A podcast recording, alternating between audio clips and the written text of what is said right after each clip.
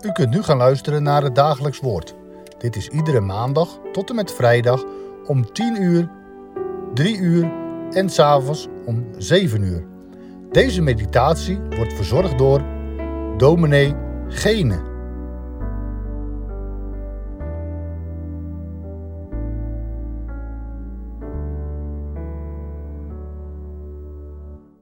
Hartelijk welkom luisteraars bij de dagelijkse lezing uit het woord van God. Ik lees u slechts drie versen vanmorgen. Toen stonden er enigen op en legden een vals getuigenis tegen Jezus af en zeiden: Wij hebben hem horen zeggen: Ik zal deze tempel die met handen gemaakt is afbreken en in drie dagen een andere, niet met handen gemaakt, bouwen. En ook zo was hun getuigenis niet eensluidend. Gisteren hoorden we al uit hetzelfde evangelie dat er velen waren in het proces dat de Hoge Raad hield tegen de Heer Jezus, die een vals getuigenis tegen hem uitbrachten. Ze bleken ook vals. Maar er waren geen twee te vinden die hetzelfde zeiden. Marcus vertelt van enige getuigen die een gelijkluidend getuigenis afleggen. Maar ook dat was vals. De woorden die zij gesproken hebben, die zijn heel direct in het evangelie terechtgekomen. Wij hebben hem horen zeggen ik zal deze tempel, die met handen gemaakt is, afbreken en in drie dagen een andere, niet met handen gemaakt, bouwen. Dat lijkt zomaar op het eerste gezicht wel een woord dat de Heer Jezus heeft gesproken. In het Johannesevangelie kunnen we lezen dat Jezus zegt: breek deze tempel af en ik zal hem in drie dagen weer opbouwen. Hij heeft dus niet gezegd: Ik zal deze tempel afbreken. Maar in het gesprek met de Joden zei hij toen: Breek deze tempel af.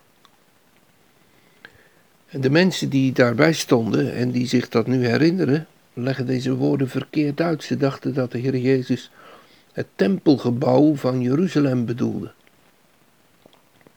Maar hij sprak over zijn lichaam de tempel van zijn lichaam.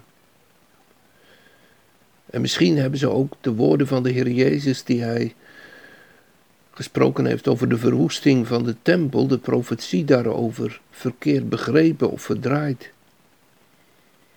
Maar in ieder geval, ze zijn wel met een aanklacht gekomen, maar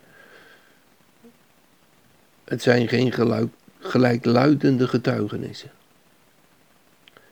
Want als de Heer Jezus dat zou hebben gezegd, dan was dat heel nadrukkelijk heiligschennis. Een tempel, de woonplaats van God. Dat was voor Joodse oren en voor Joodse gedachten in die dagen toch het heiligdom waar God woonde. En als hij daar op deze manier over sprak, dan was dat heiligschennis, majesteitsschennis zelfs. En als je over de tempel sprak als mensenwerk, dan, dan dacht je over de tempel op eenzelfde manier als de heidenen over hun afgoden. Waarvan de Bijbel wel zegt dat het mensenwerk is. Maar de gelovigen, de afgodendienaars, dachten daar anders over. De heer Jezus heeft natuurlijk helemaal niet die bedoeling. daarom is het wel heel bijzonder dat deze beschuldiging hier genoemd wordt. En daarom ook in het evangelie is terechtgekomen. Hij spreekt immers van zijn sterven en van zijn opstanding. Wat zien we ook vandaag? Dat de woorden van de heiland, de woorden uit de heilige schrift worden verdraaid en worden aangepast, zodat ze in ons straatje passen. Laten we maar eerlijk zijn. Wij kunnen ook mensen zijn die Bijbelwoorden zo uitleggen, toepassen. En soms ook een beetje aan de situatie veranderen. Dat ze ons uitkomen. In het proces met de Heer Jezus komt naar voren dat dat niet alleen kwalijk is, maar dat dat ook openbaar zal komen. Zoals het daar voor de Joodse Raad bekend moest worden, zo zal dat ook eenmaal in het oordeel komen. Op een andere plaats, waar deze woorden ook aan de orde zijn, daar zegt de Heer Jezus, van nu aan zult gij de Zoon des Mensen zien, zittende aan de rechterhand van God en komende in heerlijkheid. En dan is er heel nadrukkelijk sprake over het oordeel, over zijn oordeel, dat hij komt om te oordelen. En dan zullen ook al de leugens die over het evangelie de wereld ingebracht zijn, die zullen aan het licht gebracht worden. Dan zal blijken dat de Zoon van God de ware Messias is, die in deze wereld gekomen is om het verlorene te zoeken en zalig te maken. En dat in dat proces de mensen volkomen verantwoordelijk zijn. En dat dat de weg is waarin de Heer Jezus Christus wilde lijden en sterven om die zondaren zalig te maken. Het lijkt er allemaal op, maar het is het allemaal niet. Opvallend is natuurlijk wel dat we hier ook in bemerken dat er in het Sanhedrin mensen waren die er helemaal niet op uit waren om de Heer Jezus ten val te brengen of te laten veroordelen. Oprechte leden, denk aan Gamaliel. Of denk aan de mannen van wie we later lezen, Jozef van Arimathea en Nicodemus. Dat ze de Heer Jezus na zijn lijden en sterven een waardige begrafenis hebben bezorgd. God heeft zijn kinderen in deze wereld. En soms staan ze ook op een hele moeilijke plek. Soms zijn ze ook betrokken in de dingen die er gebeuren, zonder dat ze dat misschien direct zich realiseren. En wat een strijd kan dat geven. En ook dan mogen we elkaar wijzen op de Heer Jezus, die daarbij stond en zweeg. Alleen als hem gevraagd wordt, zijt gij de Christus, de Zoon van de levende God, de Zoon des mensen, dan antwoordt hij. Dan wil hij niet zwijgen, dan legt hij de goede beleidenis af. Zoals hij dat later ook doet voor Pontius Pilatus.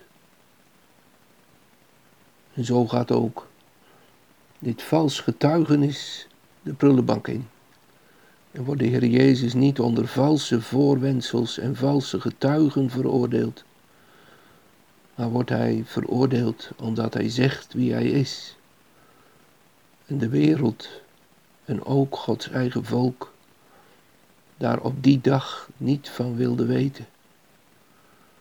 Is geen reden om het Joodse volk af te schrijven. Zij zijn en blijven Gods oogappel. En God zal er zelf voor zorgen dat ook zij de naam van de Heer Jezus zullen gaan beleiden. Naar die dag zien we uit en leven we vol verwachting. Zullen we nog samen bidden? Trouwe Heren in de hemel, we komen samen tot u. Op deze dag, nu wij heen leven naar Goede Vrijdag en Pasen, en dagelijks met elkaar uw woord opslaan, het evangelie lezen. Die korte woorden in het Marcus-evangelie. Iedere zin heeft betekenis. Spreekt ons alles van de weg die de heiland wilde gaan.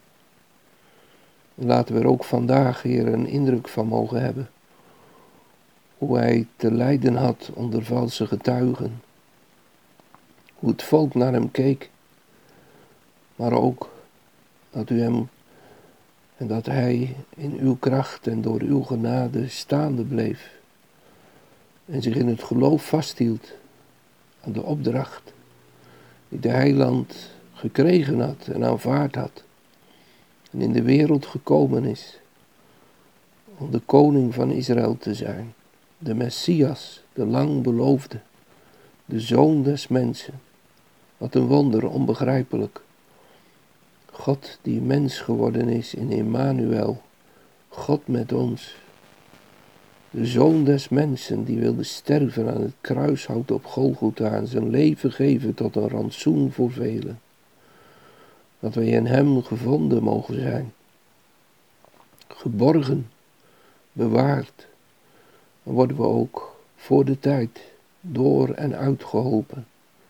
Heere, zie zo in gunst op ons neder in deze moeilijke tijd waarin wij leven.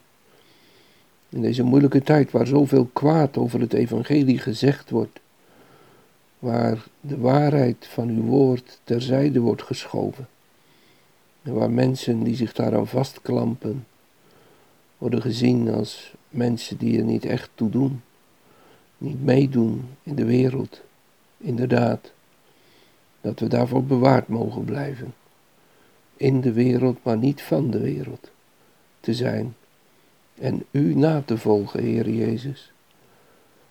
Bewaar ons dan bij u en schenk ons uw genade.